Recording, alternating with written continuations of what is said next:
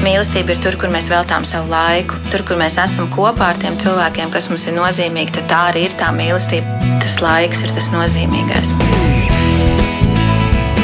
Mēs tiekamies ģimenes studijā.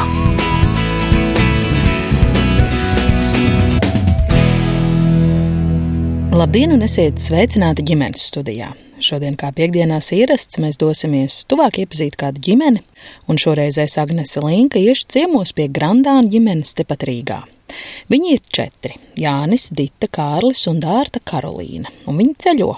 Ceļo tuvu, tepat pa Latviju, un ceļo arī patālāk, galvenokārt pa Eiropu. Vēl viņi daudz par to raksta un stāsta savā blogā ar nosaukumu Četri ceļo gardi. Nu, kāpēc tieši gardi? To pēc brīža uzzināsiet šai sarunā, bet Agrāk mēs bijām tikai ceļotāji, taču tagad mums ir arī šis. Tā man pēc īsa brīža teiks 12-gadīgais Kārlis ar neslēptu lepnumu, izrādot ģimenes pašu spēkiem kopīgi iekārtoto neparasto naktsmītni, kur viņi viesiem piedāvā apmesties vairākos gulēšanai pielāgotos mikroautobusos. Grandāniem jau vairākus gadus ir arī kāda tradīcija, proti jauno gadu viņi visi kopā vienmēr sagaida kaut kur ārpus Latvijas. Un šogad, lai cik neparasti un pat traki tas izklausās, izklausītos, viņi ir nu pat kā pabijuši un ar spilgtiem, pozitīviem iespējām atgriezušies no Ukrainas.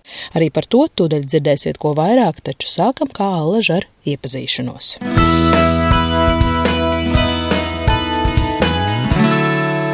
Vārds Jānis.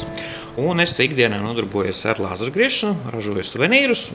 Es varētu pat pārpūt, es esmu no tiem, kurš rada šīs idejas, kurām saka, ko varbūt citi ražotāji. Sanāk, es biju pirmais Latvijā, kurš sāka pirms astoņiem gadiem ražot pārsliņas ar vārdiem, ko eglītēs liek. Nu, tas, tas ir tāds mans hobijs, viss, kas ir kaut ko jaunu izdomāt, izdarīt. Un tad uh, es esmu teicis diviem lieliskiem bērniem, vīrs, sievai.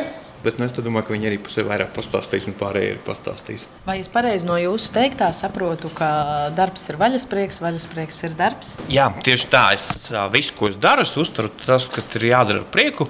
Un, bez nekādiem plāniem, bez nekā vienkārši pamēģināt darīt. Un tad parasti arī, kā mēs sakām, nu, tas varbūt žargonisms, prikolo pēc pamēģinot, viss arī sanāk vislabāk. Un tas arī gan biznesā, gan arī ceļošanā. Vienkārši nu, izdarīt tā, lai, ja tu sāc kaut ko drausmīgi domāt un rēķināt, nu, tas parasti kaut kā arī izgāž. Un tajā brīdī, ja tu sāc to darīt vienkārši tāpēc, ka liekas interesanti, tad arī parasti kaut kas arī ļoti labi izdodas un aiziet arī tālāk. Tad pāris vārdi par jums. Jā, es esmu Māma Dita, oriģināli no Liepājas. Tad mēs satikāmies Jā, Liepāja un Latgale, jo, jo vīrs ir no Latgales. Tas varbūt ir viens no iemesliem, kāpēc mēs arī sākām daudz vairāk ceļot un braukt apkārt. Jau no iepazīšanās brīža mēs ceļojām pa Latviju, jo vajadzēja aizbraukt pie vecākiem uz Latviju, vajadzēja aizbraukt pie vecākiem uz Liepāju. Tad mēs visu laiku esam uz riteņiem. Tas ir mūsu hobijs jau no pirmsākumiem. Jā, un es strādāju pamatdarbā bankā kā projekta vadītāja, un, un arī viss, visi pārējās ģimenes aktivitātes ir vairāk kā hobijs. Bet es pilnīgi piekrītu Jānam, ka viss, ko mēs darām, vienalga, tas ir pamatdarbs vai tas ir kāds cits mūsu hobiju projekts, visu mēs darām tikai prieka pēc. Jo mēs dzīvojam pēc uzskata dzīvot gardi, un tas ir ne tikai par ēšanu vai ceļošanu, tas vispār par jebko, ko dzīvē dara. Un, ja tev kaut kas nepatīk dzīvē, tad vienkārši ir jāmaina, un, un, un tā ir profesija vai darbs vai vienalga cilvēku apkārt Viss ir jādara prieka pēc. Man uzreiz gribas pajautāt, cik tad starp tām jūsu dzimtajām vietām kilometri ir pa vidu? Mēs esam identiski. Es esmu dzimis Rudzātos, tas ir Līvāna puse, un tie ir 200 km. Un tad Lietuvā ir 200 km. Tad tas maršruts mums tieši kaut kā pa vidu satikāmies, un kaut kā tā arī sanāca. Tāpēc arī mums nobraukt 400 km un vairāk dienā tas ir pilnīgi nu, normāli. Mēs varam vienkārši sestdienā, piemēram, iekāpt, izdomāt, kad ir beigušies kartupeļi un aizbraukt pie vecākiem uz Latviju pēc kartupeļu. Un vienkārši tā, un arī šo ceļojumu pārvest piedzīvojumā. Mēs, piemēram, decembrī tikko braucām, uztaisījām eglīšu ceļu. Kā sākām prēļos, tā līdz Rīgai apstājāmies katrā pilsētā un fotografējām eglīti. Mm. Un uztaisījām par to aprakstu. Mm. Kādas eglītes, kurā pilsētā? Cik pieturas bija? 13, 13 eglītes. Jā. Jā. Tas bija tāds galvenās pilsētas, ko mēs apskatījām un noķērām šīs eglītes. Jā. Kā sauc tevi? Man sauc Kārlis, es esmu vecākais bērns. Teikt, manējās interesi vai kaut kas tāds ir. Kaut ko būvēt ar LEGO vai kaut ko vispār būvēt, kaut kādas spēles, jūs dažus taisīs. Man liekas, dzīvē kaut ko jāriskē daudz reizes. Ir reizes, kad sanāk, ir reizes, kad nesanāk. Bet daudz reizes, kad sanāktu. Cik tev ir gadu? Um, 12. Nesen, septembrī. Tu droši vien skolā. Jā. Kurā klasē? Sestajā. Kā tev tur pa to skolu iet? Nepatīk. Godīgums un atklātība arī ir vērtība, vai ne? Jā, tā Kas tad tur nav tā kā vajag? Skola dīvaina. Liekas, ka standarta jauniešu atbildīgs. Mēs sākam pierast pie tā, ka iet uz uh, tīnieģeru vecumu.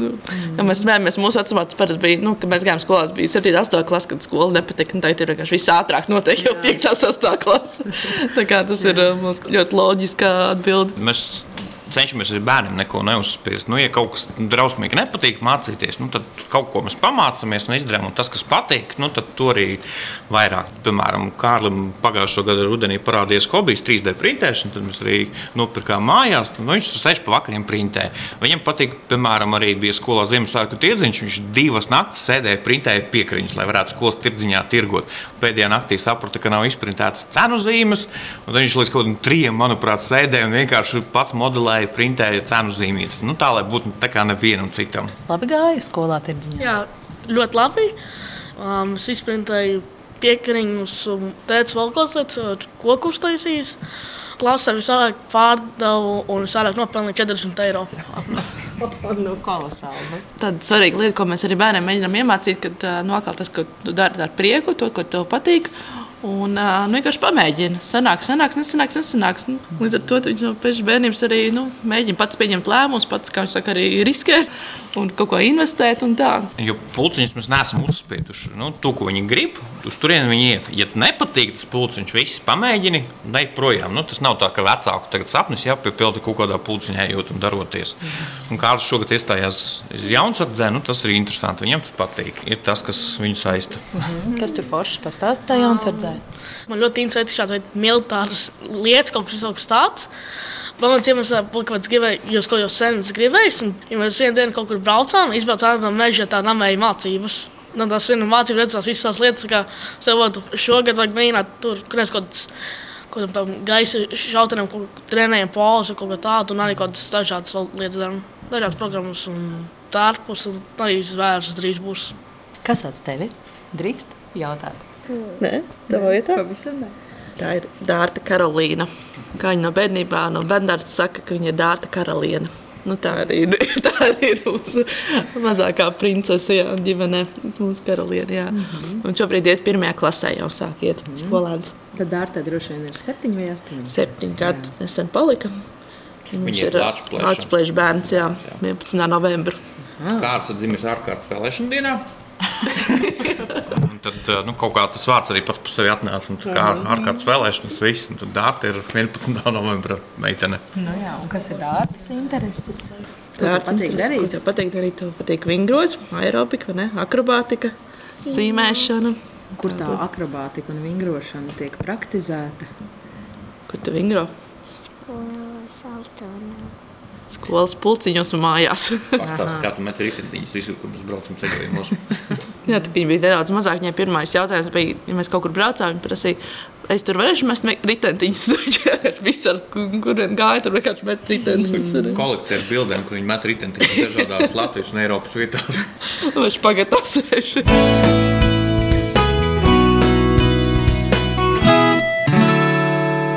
Kā tad sākās tā jūsu aizraušanās ar ceļošanu? Jo tajā tā ceļošana un braukšana tiek pieminēta un pieminēta. Ceļošana vienmēr esmu braukājušies, bet bija Covid laiks, un tad, nu, reāli nu, tāpat tās tu mājās nenosēdies visu laiku. Un tad tajās brīvdienās tieši bija interesanti, bija komandas stundas, un tad gribējās kaut kur tajā īsajā laika periodā kaut kur izbraukt. Kaut kā mēs aizbraucām uz Kaltenes kalvām, kas ir aiz rojas, vai pirms rojas. Un tad staigājām, tad domājām, bet pats man taču patīk rakstīt. Es visu mūžu esmu rakstījis gan preses relīzes, gan visu kaut ko. Man tas ir tāds hobijs, jo nu, man tie vārdi nāk vienkārši laukā.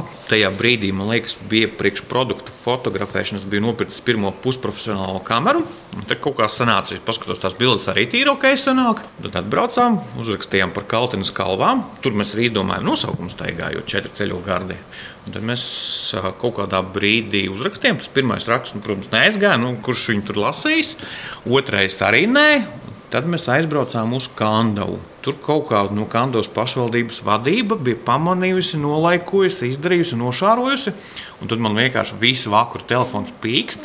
No tā, ka vienā vakarā bija 20,000 skatījumu. Un tad liekas, ka tāds wow, laikam sanāk. Un tad vienkārši panesās tik ļoti, ka sāka uzrunāt jau mēdī, kad lūdzu rakstus, rakstīt vēl kaut ko. Tas vienkārši aizgāja tādā ritenī, ka nu, jau tu vairs nevari to apstādināt. Un tad tu vienreiz, divreiz mēnesī tu kaut kur brauc, kaut ko darīsi. Un tad, protams, ir tie obligātie mēneša raksti, kas ir jāiesniedz, un tad ir neatkarīgi kāda laika apstākļa, kaut kur jābrauc un jāraksta.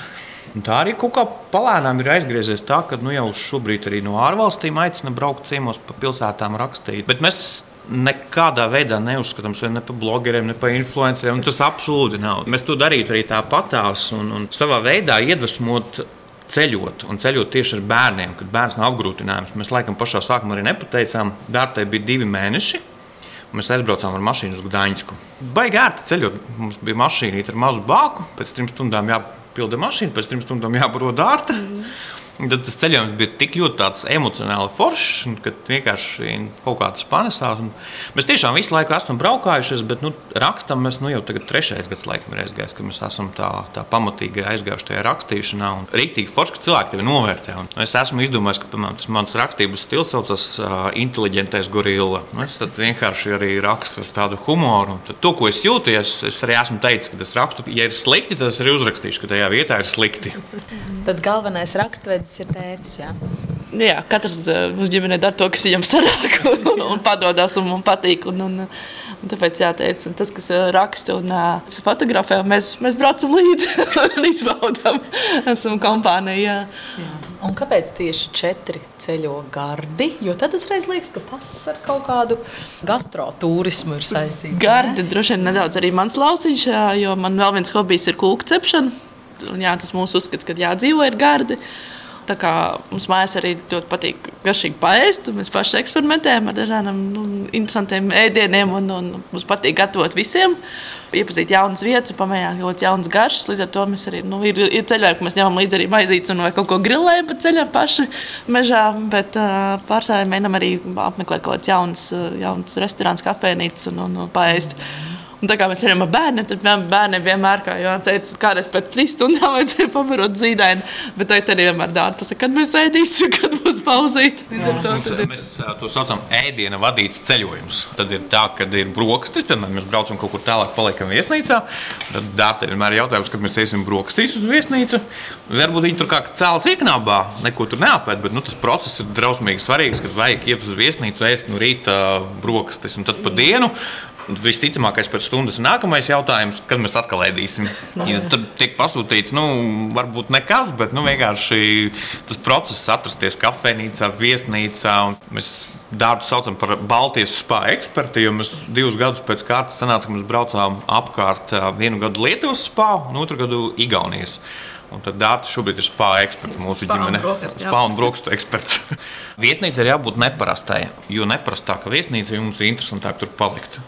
Jo nu, standarta lielās ķēdes, nu, jā, ir ok, ir forši, bet vienmēr gribās kaut ko. Nu, es lieliski atceros, mēs vienu gadu, kur Čehijā kaut kādās pilsētās, manuprāt, iemaldījāmies pilnīgi nejauši pie kaut kādas omes kura vienkārši pati tur kaut ko nesājas apkārt. Viņus vēl kaut kādu budistu mūki bija atbraukuši. Viņa jau suns pa vidu steigā. Un tā atmosfēriskā vieta vienkārši ir daudz, daudz labāka nekā tu paliec tajā piedzvaigžņu viesnīcā, kur nu, izstāv tās uzpucēts glauns. Tur kaut kādā kalnu namiņā arī Polijā, manuprāt, mēs palikām kaut kādus gadus atpakaļ, kur uh, tanti, kas to visu pieskata, to kalnu namiņu vakarā mūs sagaidīja. Es atvainojos, bet pilnīgā flaķī. Un tad viņi no rīta tādā pašā flaķī mūs arī pavadīja. Man liekas, viņi pat nebija pamanījuši, ka mēs tur esam. Bet, bet viņi tiešām viņi kaut ko tur poliski lamājas. Nevienu vārdu angliski. Nu, vispār nekādā valodā. Un kaut kā mēs tur sapratām, bet, nu, jā, bet bija mēmī jautri. Tas ir galvenais, jā. Dizains, interesanta vieta un forši cilvēki. Jo baigot jūs, kad ar kādu enerģiju, ar kādu prieku to dara vispār. Nu, mēs tikko bijām Varšavā, braucot atpakaļ no Ukrainas. Un tad arī bija tā, ka mēs ļoti ilgi meklējām, kur palikt Varšavā. Jo skatāmies, Bukigā nu, visas tās vietas ir vienādas, un cena arī nav tās pašas lētākās šobrīd Polijā. Un, un, un skatāmies, mēs vienkārši negribam ne par vienu no tām vienām maksāt, tāpēc ka viņas vienkārši ir tik ļoti standarta. Nu, tādas nekādas. Mēs visu ceļu no, no Ljubljana Nu, Ljubljanas līdz, līdz braucām. Jā. divas stundas. Mēs vienkārši nevarējām atrast vietu, kur palikt uz vienu, divām naktīm. Jo vienkārši likās, tu negribi maksāt par garlaicīgu vietu. Nu, tā. un tad beigās mums bija tāds ČP, ka mums vajadzēja to vietu arī beigās, ko mēs atradām pēc tam pārbukot, jo tur nu, nebija nekas labi. Intuīcija. Intuīcija bija, jā, jā. Un tad mēs saprotam, ka tu pat no tās sarakstes ar to vietu vai, vai viesnīcu tu pat jūti, vai tur ir tādi forši cilvēki, kas dara to ar tādu foršu enerģiju, vai kaut kas, kaut kas tur nebūs labi. Viņi pat var tev baigi daudz ko nepateikt tajā sarakstē, bet kaut kāds, kaut kā tā, tas feelings paliek, jā. Ja mēs arī Ukrainā, Truskavas pilsētā palikām, un tur tur rītīgs padomju laiku viesnīca. Tur, tur, tur, tur pat narzīši bija tiem, tiem baltajiem spaliņiem un viss, un katrs citādāks. Tā viesnīca mēs viņu ilgi nevarējām atrast. Izrādās trīs zvaigžņu spā viesnīca, kas atrodas tirgus centrā. Turpat ar auto nevar piebraukt. Izrādās trīs zvaigžņu spā viesnīca. Un tad ieiet iekšā, un tāds nu, rītīgs 90. gada sākums. Bet nu, kaut kāds šarms tam visam pasākumam bija. Tur nu, tāds, ka tu ieiet iekšā vienkārši. Nu, nu, Naudas, un tie all-inclusive kurorti un viss kaut kas, tas ir viens, bet nu, ir cilvēki, kuriem tas patīk. Mums, mēs, piemēram, nereiz neesam bijuši tādā. Ja mēs ar Dītu arī divi tā esam bijuši, piemēram, uz Grieķiju. Bet uh, mēs toreiz arī paņēmām, salīdzinoši, manuprāt, vienu no lētākajām viesnīcām. Vienkārši noīrējām Mašīnu un braucam apkārt. Jā, braucām apkārt. Nu, kur tu visu laiku, visu dienu nesēdies. Man liekas, ka pusdienu mēs pasēdējām lai viss tas ir garlaicīgi. Par to pēdējo tēta pieminēto Ukraiņas viesnīcu Kārlis tā demonstratīvi plaukstu ieplaukšķināja sev papīru. Kas tad tur bija? Man tā nepatīk. Mums, vienīgais cilvēks, kurš pat kaut ko tur smējās vai patika, bija tēta. Viņš m- mēs vispār tur esam. Ejam, jau, jau redzam visu tādu dīvainu. Pirmā lieta mums, mums ievada nepreizē numuriņā un prāts kaut kādu dīvainu cenu. Tad domāju, šī nav mūsu veida, kāpēc cik liela cena. Un tad- tad, piezina, un tad saprot, nepreizais numuriņš. Un tagad mums tur aizjām reāli viss. Tur bija daudz, es biju arī daži saplīsi. Jā, mums dzīvoklī. Jā, sliktāk. Jā, mums ģimenē viss ir tāds nu, balsošana. Vienmēr noteikti mums nav tā, ka viens pasakā un tā darām. Mm -hmm. nu, mēs arī ceļojam. Mēs bieži vien arī bērniem sakām, nu, paņemat booking, izvēlēties, kur mēs šodien paliksim. Nu, jāiesaist bērni, jādod viņam kaut kāda iespēja arī lemt par kaut ko. Un, uh, un tas šoreiz arī te, kā teica, viss. Banojam tēti, ka mums viesnīca neizvēlēsies.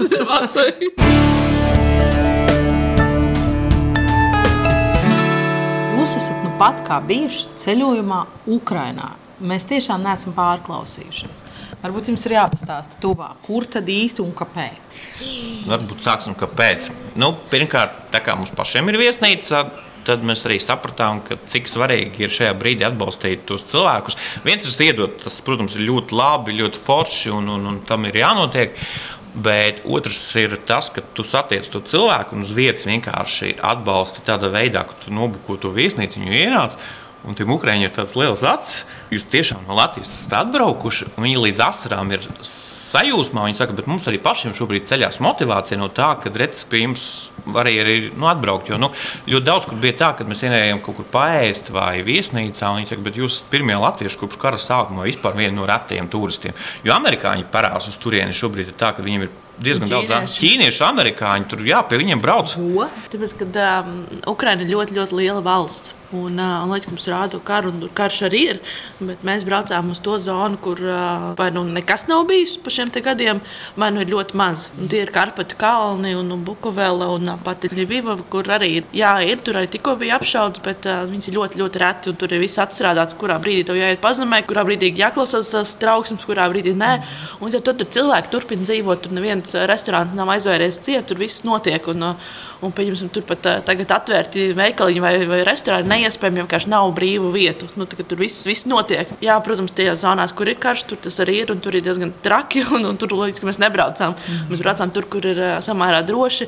Un viens no mērķiem arī bija, ka mēs arī komunicējām ar uh, Vizitu Ukrainu, kad nu, agrāk vai vēlāk viss beigsies un viņiem nu, šo tu- turistu atkal vajadzēs. Un vienkārši parādīt, cik uh, nu, Ukraina ir skaista un ka tur jau tagad ir tajos konkrētajos reģionos samērā droši. Un, un, uh, ka cilvēki nu, pēc tam brauc uz turieni arī. Bukovelē varēja paslēpot? Varēja paslēpot, bet mēs neslēpojam. Mēs lepojām, mēs braucām ar vienu no Eiropā lielākajiem ziplainiem, kad te kilometru trosē laidies lejā. Īstenībā šobrīd ir cenas pārsteidzošas, vai viens no Eiropā garākajiem rodeļiem. Arī gandrīz pusotru kilometru garš rodelis, ka tās cenas ir vienkārši pārsteidzošas. Un tā Bukavela arī, vai tas Karpatu reģions, tu saproti, ka tie Ukraiņi beidzot uz turieni ir atbraukuši, jo viņi īsti ārpus valsts nevar izbraukt. Viņiem tāda tā kā mīra sala ir, kur viņi atbrauc vienkārši. Nu, ir gaisa trauksmes, protams, bet viņi vienkārši zina, ka uz turieni ir ļoti maza iespēja, ka kaut kas atlidos. Viņi tur uz turieni aizbrauc, cilvēki vienkārši atpūsties no tā, kas nu, tur pārsimtus kilometrus tālāk notiek. Bet tas Kāpēc mēs braucām? Mums ir tā, ka mēs katru gadu svinam jauno gadu citā valstī sagaidām. Mums tā ir tradīcija, kaut kādus septiņus gadus, laikam. Mm. Un tad šogad mēs izdomājām, nu, ka Eiropā viss kaut kur ir būt. Šis bija tāds, nu jā, solidaritātes brauciens īstenībā. Tāds. Mēs šoreiz pirmo reizi braucām ar autobusu, nevis ar mašīnu. Braucām ar Ukrāņu kompāniju, kas mūs aizdeva līdz robežai, pārgājām pāri robežai, tad mūs sagaidīja cits būs, viņš aizdeva līdz Ļuvivai. Pārsteidzoši bija ceļu kvalitāte. Viņam pēdējos gados ceļi ir sabūvēti ļoti labi. Tiešām, jo likās, nu, nu, kaut kā tā pēcpadomju garša un kaut kur salasējušies, protams, un dzirdējuši, ka tur viss ir nu, īstenībā nenormāli moderni. Ir mašīnas arī ir. Es neatšķiros no Rietumē Eiropas. Ir, protams, tur kāds ar žigulīti vēl joprojām kratās ar zirgu, zirgu pajūgu. Tur ir karpatos ļoti daudz gucuļi ar zirgiem brauc. Viss tur notiekās. Bet tā infrastruktūra, piemēram, pie tās pašas Ļuvijas būvēs daudz tā vēkas, visi lielie krāni salikti, jaunie projekti. Tur ir pie Truskovecas arī vienkārši tāds nu, mārupas izmēra ciemats vienkārši uzbliest, uzbūvēts. Kā mēs teicām, mēs vienkārši Ukrainu atbalstam tādā veidā, kā mēs labāk mākam. Mēs labāk mākam ēst un ceļot. līdz ar to tādā un veidā rakstīt. mēs un rakstīt. Jā, līdz ar to tādā veidā mēs arī viņus gribējām atbalstīt, darot to, kas mums patīk. Un, un tiešām, kā Jānis teica, arī tiem cilvēkiem vienkārši atbraukt uz vietas, parunāties, atbalstīt, nu, pateikt, ka jūs neesat vieni, ka, ka mēs arī braucam nu, tādā veidā. Un tad tie cilvēki, ko mēs runājam, arī teica, nu, ka tas viņiem ļoti, ļoti svarīgi un ļoti viņus nu, tiešām motivē dzīvot nu, tālāk, kad, kad kāds pie viņiem atbrauc un vienkārši parunājās. Dzīve pilnīgi nav apstājusies. Tur viss noteikti tur tiešām attīstās. Un ir jau viņi paši saka, ka, nu, ja viņi tur nebūvēsies, nedarīsies, nu, tad tā ekonomika neaugs. Viņi tad nu, nevarēs neko. Protams, ir tā sajūta, jā, nenolieksim, bija arī gaisa trauksmes, un mēs dzirdējām dažu dienu pa divām, pa trim reizēm. Bet tad, kad 29. bija tā liela apšaude tam raķetēm, tad intensīvāk mēs tieši kaut kā bijām aizbraukuši uz kalniem, tad mēs tikai nu, telegramā redzam, ka visu laiku nāk tādas ziņas, kas ir noticis. Nu, jā, tas puisis, no kura mēs īrējām mašīnu, arī Ukraiņu pārvietojos, arī teica, ka viņš bija pat redzējis tajā dienā, 29. to šahidus, un viņi tur lido.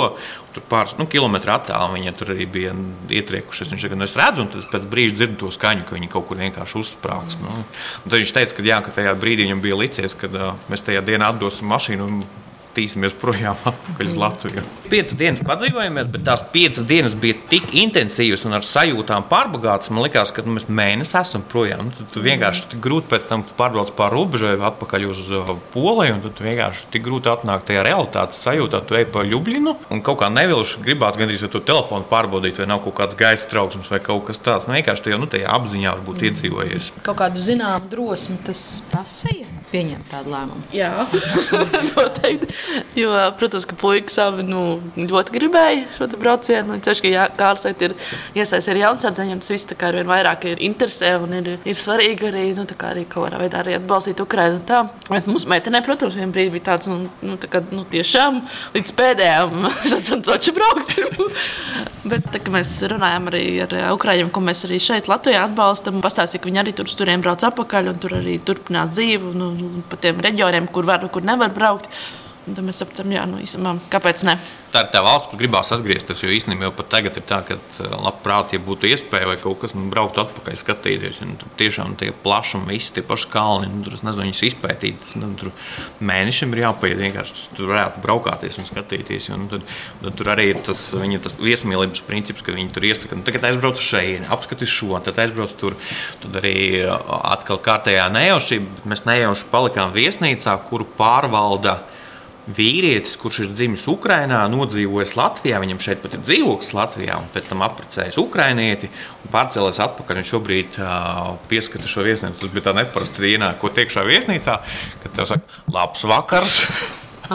Jā, un tad, tad viņš ļoti slikti runā latviešu šobrīd. Viņš saprot, bet, bet nu, tad, tad mēs tos divus vakarus arī viņiem parunājām. Nu, arī nu, tāda, tāda mājas sajūta un patīkami. Ko tu teici, kad vecāki paziņoja, brauksim varbūt uz Ukrajinu jaun, jauno gadu sagaidīt? Es biju ļoti priecīgs, jo es esmu daudzās vietās kur skatījis, jau biju dzirdējis, ka Ukraina ir ļoti smuka un ļoti lēta un labi vēdienu viņiem ir. Un es vairāk gribēju, es gribēju, braukt, jo viņiem Viņi ļoti daudz ēda speķi. Un tāds, un tāds smieklīgs lieta, ka mamma nedod speķi. Tad, tad izdomājums smieklīgs lieta, ja mamma apēdīs speķi, tad ciešās.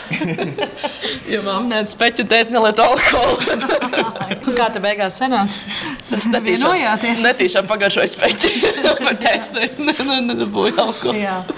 Un kas tad bija visgaršīgākais tavā vērtējumā, tur viesojoties? Um, Kartupeļu pankūku burgers. Čigānu burgeris. Saucās. Viņiem tur ir Rumānija blakus, un tad viņi tā arī sauc čigānu burgeris, kur ir apakšā kartupeles, pankūka, kad pa vidu ir kotleta, un augšā atkal ir kartupeļu pankūks. Čigānu burgeris. Jā. Ka mums sēdam, kā tur bija tie kalni, kur viņi arī runāja par to, kur bija tas īpašs. Viņam, viņam arī pieder blakus tā kā restorāniņš. Tad arī suns, tā bija tā lieta, ko viņš vairāk māsu mīlēja, bet tas suns tur bija viens maziņš. Viņš laikam atnāca, oh, šeit! Un tas un tad vienkārši arī ētam, apčurāju tētu. Stefania, mamo, mamo, Stefania, Ros- Mēs tiekamies ģimenes studijā. Šodien ģimenes studijā tiekamies ar Grandānu ģimeni, četriem kaismīgiem ceļotājiem, kuri uzskata, bērni nav un nevar būt šķērslis, lai dotos tuvākās un tālākās ekskursijās. Nesen viņi atgriezušies no brauciena uz Ukrajinu, kur sagaidīts jaunais gads. Ceļojumā mums vienmēr ir viena, divas dienas, kad ir bērniem lielais pārsteigums. Vai tas ir attrakciju parks vai nu kaut kādi Basēni. baseini. Jā. Mēs viņiem nekad neuzspiežam kaut kādas lietas. Jā, ir kaut kāda vecāku diena. Viņi mums jau tik lieli šobrīd ir, ka viņi mums saka, nu, tagad šogad ejiet tusēt, viņi paliek viesnīcā. Tad viņi mūs palaiž kaut kur, kaut kur arī pauzāties. Bet, attiecīgi, nav tā, ka tas ir vecāku ceļojums, tas ir ģimenes ceļojums. jo Tas ir tiešām parādīt arī bērniem, jo šoreiz arī braucot no um, Ukrainas ar Poliju, mēs speciāli braucām ar autobusu. Mēs varējām pat taisnīgi vienkārši atbraukt uz Latviju. Bet mēs speciāli aizbraucām ar autobusu līdz Ljubļinai. Visas muitas pārbaudas mums bija milzīgās uz robežas ar visu koferu kratīšanām, skeneriem un vispārējo. Tas bija nu, bērniem uzreiz piedzīvojums. Tad tur uh, muitnieki polijā uzdot jautājumus, ko jūs tur darījāt. Nu, viss kaut kas tāds, nu, bet tas bija vienkārši tas pārbaude. Pēc tam no Ljubljanas līdz Varšavai mēs braucām ar ātru vilcienu. Tas ir bērniem atkal cits piedzīvojums, katru pa dienu nodot mantas uh, glabātuvē. Nu, tad vienkārši parādīt, cik dažāda tā ceļošana ir. Ja mēs arī pa Latviju, piemēram, mēdzam izdarīt kādu eksperimentu, tur aizbraukt ar uh, vilcienu, iekrāmējam ričukus. Aizbraucam līdz, piemēram, koknesei, izņemam laukā velospēdus, visu dienu pa koknesi. un Vakarā pretējā secībā nu, vienkārši, var ceļot dažādi un nevajag milzu līdzekļus. Nu, piemēram, nu, vilciena biļete neko nemaksā. Nu, velospēdu uz dienu arī var noīrēt. Nu, viss, viss, viss tāda var izceļoties. Nevajag obligāti braukt un galvenus viesnīcas, dārgus restorānus, var maizītes vienkārši arī. Nu, tiešām, nu, es esmu teicis, mēs esam pa pēdējo pieču ielējuši degvielu, uzsmērējuši desmais un aizbraukuši. Viss! Jūs jau daļēji atbildējāt uz jautājumu, ko es biju nolēmusi vaicāt nākamo, cik lielā mērā jūs pielāgojaties bērniem savos ceļojumos. Jo ļoti daudzi cilvēki mm. cieš no tā. Nu, pirmkārt, bērni nemāk uzvesties, piemēram, mašīnās tālos braucienos. Es redzēju tās bildes, kur tas finierīts ir salikts pa vidu māsām un brāļiem. Ja? Jums nav tāda problēma. Kā mēs parasti sakām, mēs kaut kā labus bērnus pasūtījām. nu, viņi pakašķējās, nu, labi, viņi pakašķējās, izkaujās. Nu, labi, nu, neizkaujās, nu, pakašķējās. Nu, nu, nu, pēc pusstundas atkal Mēs mīļi. jau parasti tagad pēdējā laikā smējamies tā, šodien nav bijis kašķis vēl tā kā kaut kad laiks tojās. Bet nu, maksimums viņiem vienreiz vai divreiz dienā ir kaut ko jāpastrīdās un pēc tam viss ir kārtībā. Mēs smējamies, mums ir trešā vai ceturtā ceļojuma diena, kad mums ir krīze. un Tad vienkārši visiem vajag nezinu, kaut kā vienkārši atpūsties, un tad bez tās skriešanas. Mēs laikam esam tie skrējēji ceļošanā. Mēs arī dienā tos tūkstošus kilometrus ar mašīnu nobraucam. Pa ceļam visu kaut ko apskatāmies, aizbraucam nezinu, līdz Krakovai vai Katovicai vienā piegājienā. Un tu esi tikko tūkstoš kilometrus pavadījis mašīnā, bet tev vienalga jāiet staigāties pa pilsētu naktī un skatīties, kas tur ir. Un tad vienkārši no rīta celēs atkal tajos septiņos un skrien tālāk. Ja mēs tā cenšamies nenormāli koncentrēti vienā reizē apskatīt pēc iespējas vairāk. Un mums ir kaut kādi draugi, kas ir mēģinājuši uzprasīties līdzi ar mums ceļot. Es saku, nebūs, jūs vienkārši neizturēsiet to tempu. Jūs vienkārši pēc divām dienām vienkārši atmetīsieties, paliksiet kaut kur. Nu, jūs vienkārši nepavilksiet to ātrumu skriešanu. Bet, eh, nu, runājot par bērniem, arī nu, bieži vien dzirdēt, sāk, kad eh, neceļo ar bērnu. Nu, ka mammas parasti saka, nu, mēs pagaidīsim, kad tur paliks 5, 7 gadi, un tad mēs ceļosim. Uh, mūsuprāt, ir tieši pretēji, jo ātrāk to bērnu sāks ceļot, jo ātrāk viņš pieradīs. Jo nu, nevar gribēt, ka viņš to sāks ceļot piecos gados, un tad uzvedīsies nu, superīgi, nu, kā tāds paraugu bērns. Tāpēc mēs arī sākam ceļot jau pāris mēnešos ar bērniem, kad teiksim, no paša, paša bērnu krēslī, tā jau zina, kas, kas tas ir un, un, un, un pierod pie tā pamazām. Atzīsim, liela daļa vienkārši tajās brīvdienās nosēž mājās A pie televizora, B vazājot uz lielveikalu vai nu vienkārši neko nedarot vai pie datora, jā, un tad vienkārši nu, sēžot mājās, pasūtot ēdienu vai aiziet uz veikalu, tu iztērēsi vairāk nekā, ja tu ielies degvielu, aizbrauks kaut vai maizītes, uzsmējies, izies kādu dabas taku, bet tu būsi iedvesmojies, pelpojis, svaigu gaisu, ko paskatījies. Nu, mums pat mājās normāli izmēra televizora nav. Viņu, nu, tas, tas nav pa mums. un bērns ir jāuztver, kā, nu, kā mēs viņus uztveram. Bērni ir maz pieaugušie. Jā, viņi ir mazāki, jā, viņiem varbūt nav tik daudz lemtspējas, bet, bet tik un tā viņi ir jāiesaistījās ģimenes lēmumos un, un ģimenes dzīvē visā. Un, ja tu bērnu uztver sev kā līdzvērtīgu cilvēku, tad, tad, tad viss ir kārtībā. Jo mēs arī tagad viesnīcu būvējām, tad arī bija tā, ka bērni palīdzēja. Nu, tad, re, kur ir radio klausītāji, un nedzirdēts, re, kur mums ir baltais busiņš, tad tālāk ir krēsli, kurus bērni ir izņēmuši paši savām rokām no busiņa. Vienkārši, es biju pateicis, ka kaut kādā brīdī tiem tiem krēsliem būs jāizvācas no busa laukā, jo tur gulta nāks iekšā. Tad vienā dienā skatos, ir pazudis atslēgu komplekts, viens guļ zem busa, otrs iekšā, un tu tur ir tagad pa labi, pa kreisi paši izmocīja tos divus krēslus un samainīja vietā. Visi, visu arī izdarīja. Mēs ļāvām viņiem arī ar idejām vispār, un tagad mēs arī visu sākām veidot. Arī jautājums bija, vai mums to vajag. Nu, tā kā ģimenisks lēmums nebija tā, ka vecāki izdomāja, ka nu, tagad būvēsim viesnīcu. Jā, tad, kad es ienācu šeit un uh, man nebija vēl ieslēgts mikrofons, tad Kārlis teica, agrāk mēs bijām vienkārši ceļotāji, tagad vēl nācis klāt arī šīs. Jā, Jā. tā ir bijis. Jā. Par ceļošanu vēl drusku runājot, tad tādi garie gabali ar mašīnu, var teikt, ir jūsu specifika. Jā, jā mēs esam, gribam uzskatīt sevi par ceļotāju, bet mēs vēl nereiz neesam kā ģimene lidojuši nekur. jo kaut kā mēs katru gadu to ieplānojam, plānojam, bet Tik un tā beigās aizbraucam nu, mašīnā. Mēs vienkārši pareiķinām, jo ar degvielu sanāk lētāk kaut kur pāri Eiropai aizbraukt nekā mums četriem aizlidot. Nu, šurpu turpu. Un tad uz vietas tāpat mašīna būtu jāīrē. Mēs nevarētu nosēdēt.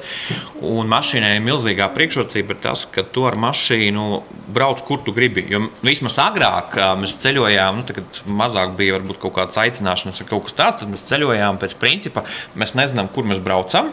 Mums bija kaut kāds galamērķis, nezinu, piemēram, Austrijā braucam uz Zaldzburgu uz kaut kurieni.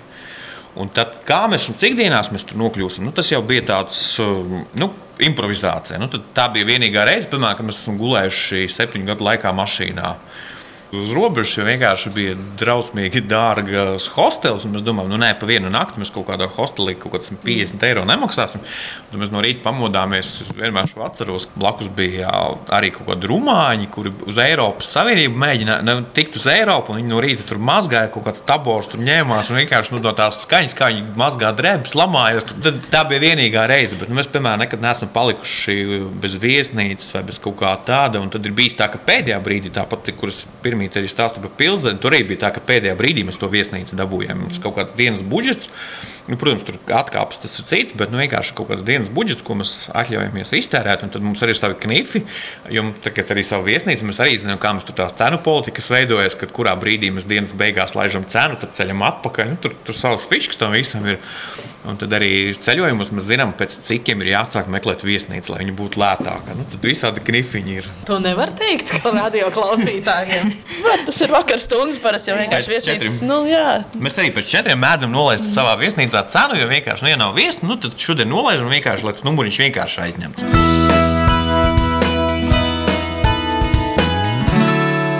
Ko bērni saka tad, kad vecāki ierosina, laidīsim 1000, 2000 km?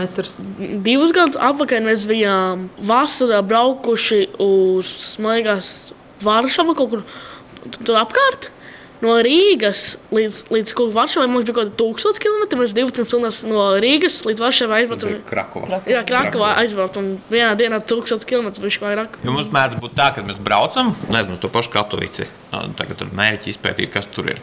Aizbraucam līdz Varšavai, meklēsim viesnīcu. Nu, nē, vēl gaiši pabrauksim vēl kaut kādu gabaliņu priekš, mm. Lodzefus priekš. Teikam, līdz lodzē, nu, nē, nu, it kā vēl jau tā enerģijas pietiek, nu, braucam. Un tad finālā kaut ko dos, nu, jā, nu, nu, bet, nu, Katovice jau arī cik tā 300 km tikai, nu, nu kas tur ir vairāk, pa bāni, pa bāni. Tā tie 1000 km kaut kā arī notinās. Pēc tam jau atpakaļceļš ir grūtāks.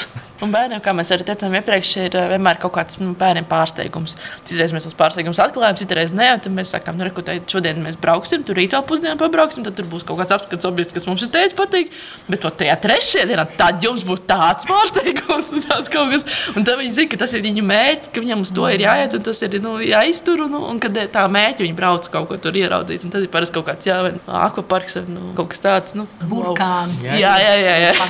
Tad ir, tad ir tāds spiediens no mašīnas aizmugures, ka viņi saprot, nu, viņi tagad lieli, viņi, piemēram, Google Maps jau arī meklē, uz kuru pusi mēs braucam un skatāmies. Un, jā, bet nu, tie ārzemju ceļojumi arī nav tā, ka mēs pārsvarā braucam pārsvarā tā ir Latvija, Baltija. Un, jo mēs arī pa Latviju ceļojam, mums tas mērķis. Mēs, Nu, nevis cenšamies, nu, ja sanāk, tad mēs braucam, bet mēs braucam uz mazajām, mazām pilsētiņām. Tad vislabākais ir, kad tu, piemēram, atklāji auci. Un tad tur augs pēc tam raksta, ka viņus tur ir apgāzuši vienkārši vai viesīta pagājušo gadu, kad tu uzraksti pa viņiem. Un viņi saka, ka kaut kādas divas nedēļas viņi nespēja vienkārši tā pilsēta ir pilna ar mašīnām. Tas ir tas vislabākais gandarījums, ka nu, tie cilvēki, kas turien ir aizbraukuši, tieši iedvesmojoties. Un tieši mazajām pilsētiņām tas ir tas šarms, ka bieži vien atrod tādas pērles, nu, ko tu pat nevari iedomāties. Un tā cilvēka varbūt arī tāda atsaucība, ka tu tur runājies. Jo mēs esam no tiem, kas vienkārši ies pa ielu un prasīs cilvēkiem, ko pie jums var apskatīt, ko pie jums var padarīt, kur var garšīgi paēst. Ja mēs, tā, mēs tā mēdzam Latvijas runāt, uzmākties. Jā, kaut kāda kaut kāda misijas apziņas. Gribam iedvesmot gan citus ceļot, gan arī parādīt, ko citi uzņēmīgi latvieši dara apkārt. Tāpēc mēs vienmēr mēģinām apskatīt jā, tās mazās pilsētiņas, mazos uzņēmējus, mazās kaut kādas veikaliņas, kafejnīciņas vai kaut ko tādu. Un, un, nu, jā, kaut kādā tādā veidā viņus atbalstīt un parādīt arī citiem. Ja, piemēram, mēs braucam garākā ceļojumā, ārpus Latvijas vai arī pa Latviju, tur divas, trīs dienas, es vienmēr rakstu katru dienu emocijas. Un man ir tā, ka nu, tās 10, 12 tūkstoši rakstu zīmes uz katru nakti arī uzrakstīšu, un apstrādāšu tās 80, 100 bildes un ielikšu. Un tā ir, tu dažreiz visu dienu kaut kur noslēgājies bet tu vienalga sēdi vakarā raksti. Tad ir bijis tā, ka, piemēram, kaut kur tas pazūd raksts, tu jau gatavs viņu publicēt, tur pazūd internets un viss, un tas raksts tev pazūd. Un tu drukā līdz četriem vēlreiz to pašu, tad apstrādā bildes, nopublicē, tad no rīta trīs stundas pagulēs, celies, ej atkal nākamās vietas skaties. nav tās vienmēr tikai ārzemes, kur var noķert ceļojumu garšu. Mums laikam nav arī tik daudz laika, lai mēs varētu ceļot nu, tikai pārzemēm. Tas tā nedēļas nogalē, tā viena, divas dienas arī pa Latviju. Tieši tā arī nu, Eiropas ceļojuma mums trīs, četras reizes līdz trim maksimums. Jā, tas ir trīs, četras reizes gadā. Nu, pat tai nedēļai mēs atļaujamies tā arī aizbraukt un kaut kur paskatīties. Nu, daudz mēs braucam Lietuvā. Mums ļoti patīk Lietuva, kur arī ļoti daudz dažādu spēles, ko var atklāt. Mēs pagājušo gadu braucām uz Viļņu, tikko viņi sāka svinēt savu dzimšanas dienu ar autobusu. Tas arī savu veidu piedzīvojums aizbraukt uz Viļņu ar autobusu. Kārlis teica, o! Mums ir divas valsts, un visam, kur mēs esam ceļojuši Tas divas valsts, kur mēs vienmēr esam ļoti priecīgi doties, ir Lietuva un Polija. Jo Polija tādā, nezinu, kad mēs atbraucam uz Poliju, ir vienmēr tā kā, ok, zinām, ko šeit varam darīt, vai zinām, ko darīt, bet, ja mēs braucam kaut kur cauri Eiropai vai apakaļceļā, vienmēr ir jāiebrauc ar Poliju. Nu, Polija kaut ko vienmēr jāpadara. Ja izbrauc caur Poliju, nejūtās pareizi. Mēs jau tādi polijas vēstneši esam. Vienmēr reklamējam, ka ejiet brauciet uz Poliju. Tur ir klāts. Man liekas, mēs bijām vieni no tiem, kas Latvijā toreiz to Zakaponas trakumu pacēla pirms pāris mm. gadiem. Jā, mēs bijām kaut kā sarakstījām, un tad man liekas, pēc mums kaut kā ka panesās, un tad mēs paši vairāk tur nebraucam.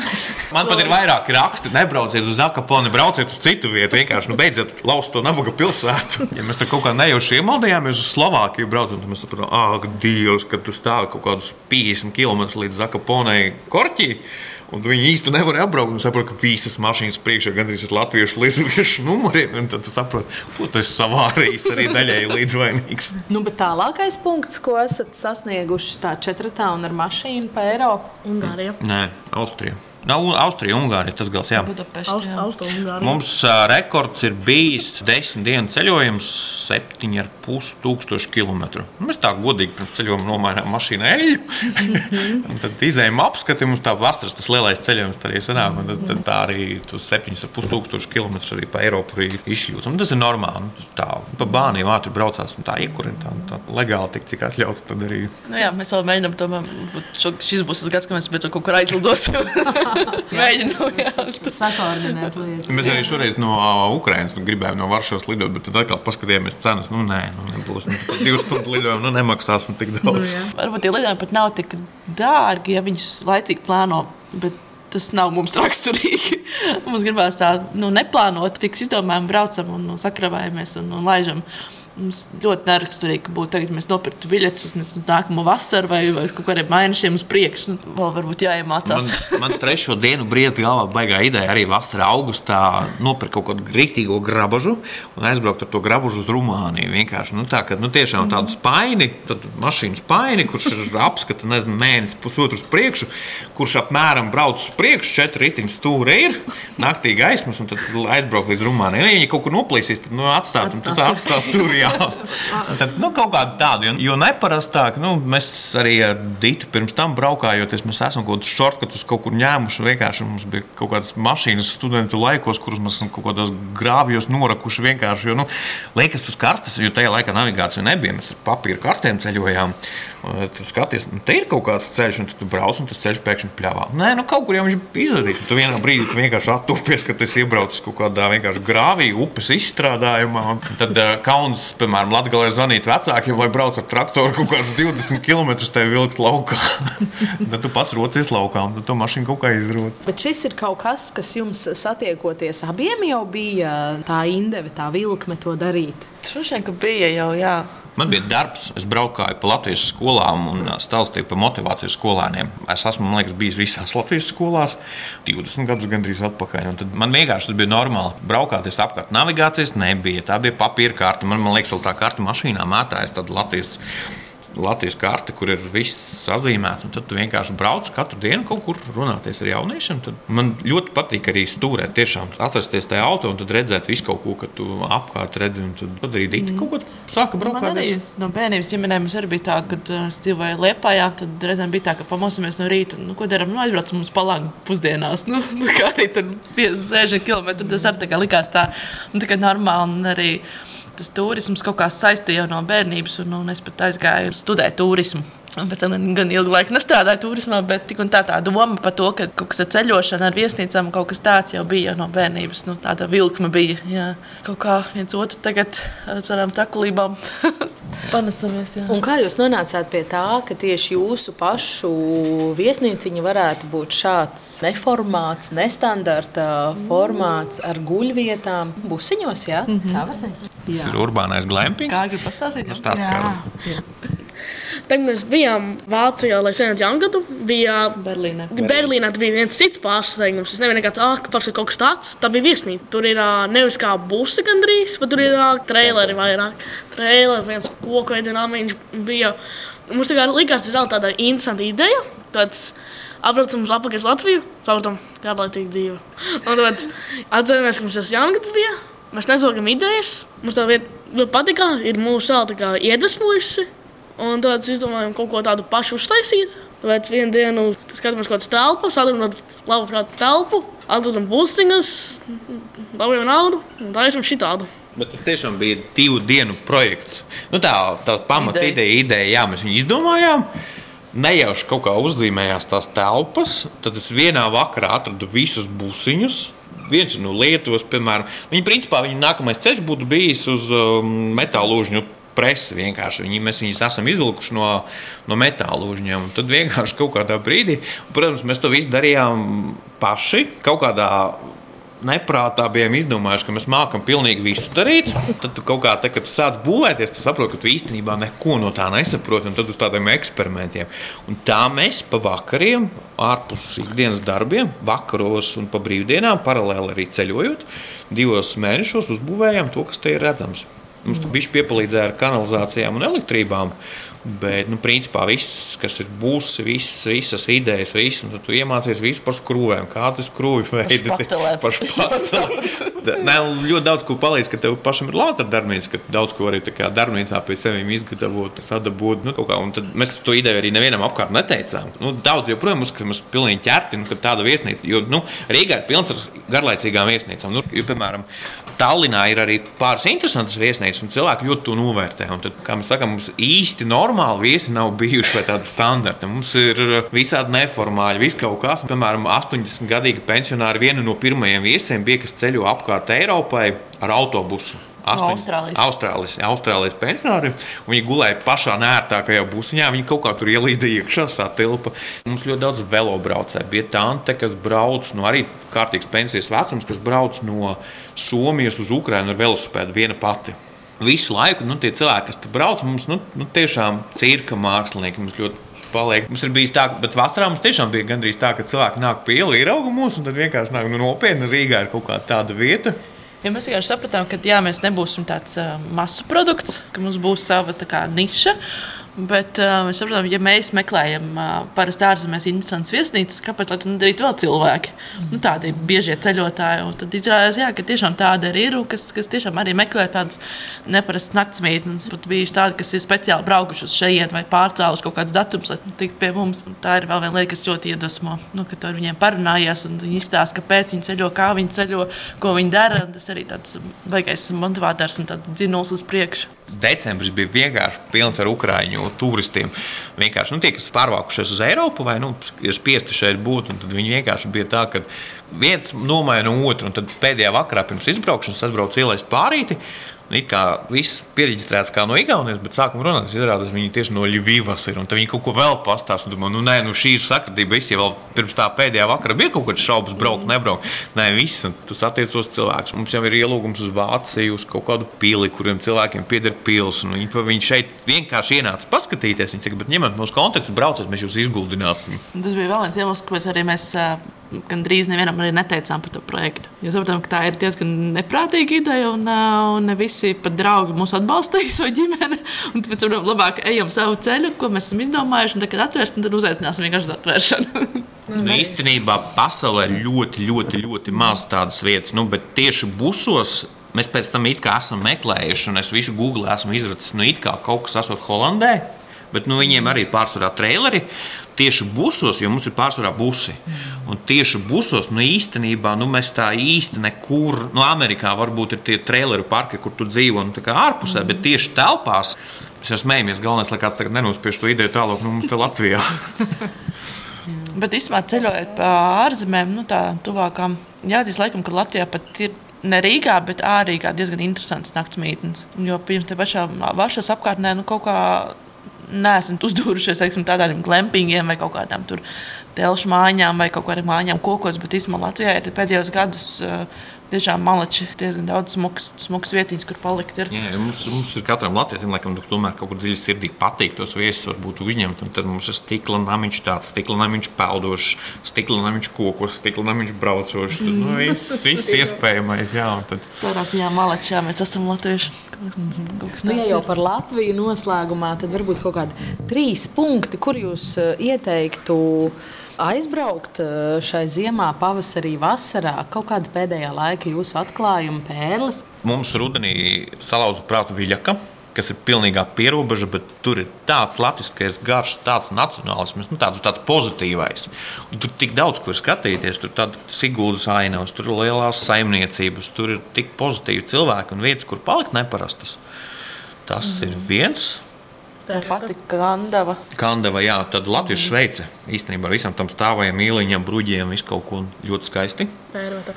Tērvete? Tērvete, tad tilta bija mājas. Un auce arī. Auce, auce un tērvete blakus, jā. jā. jā. Aucē mums patika, tur arī daudz tādas muižas pilis ir, bet tas labākais bija peldošā mājiņa uz ezera. Bez elektrības. Bez elektrības, uz kuru tu aizairējies ar laiviņu, un tad tu viens pats ezera vidū paliec tur. Un tad, tu, ja kaut ko aizmirsti, tad tu 20 minūtes airē atpakaļ uz krastu.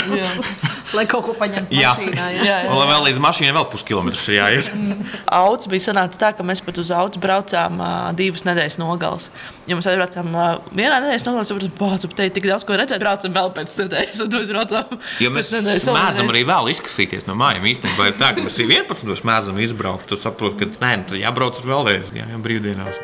Šoreiz ģimenes studijā iepazinām aktīvus ceļotājus, Grandānu ģimeni ar Jāni, Ditu, Kārli un Dārtu Karolīnu sarunājosies Agnese Linka.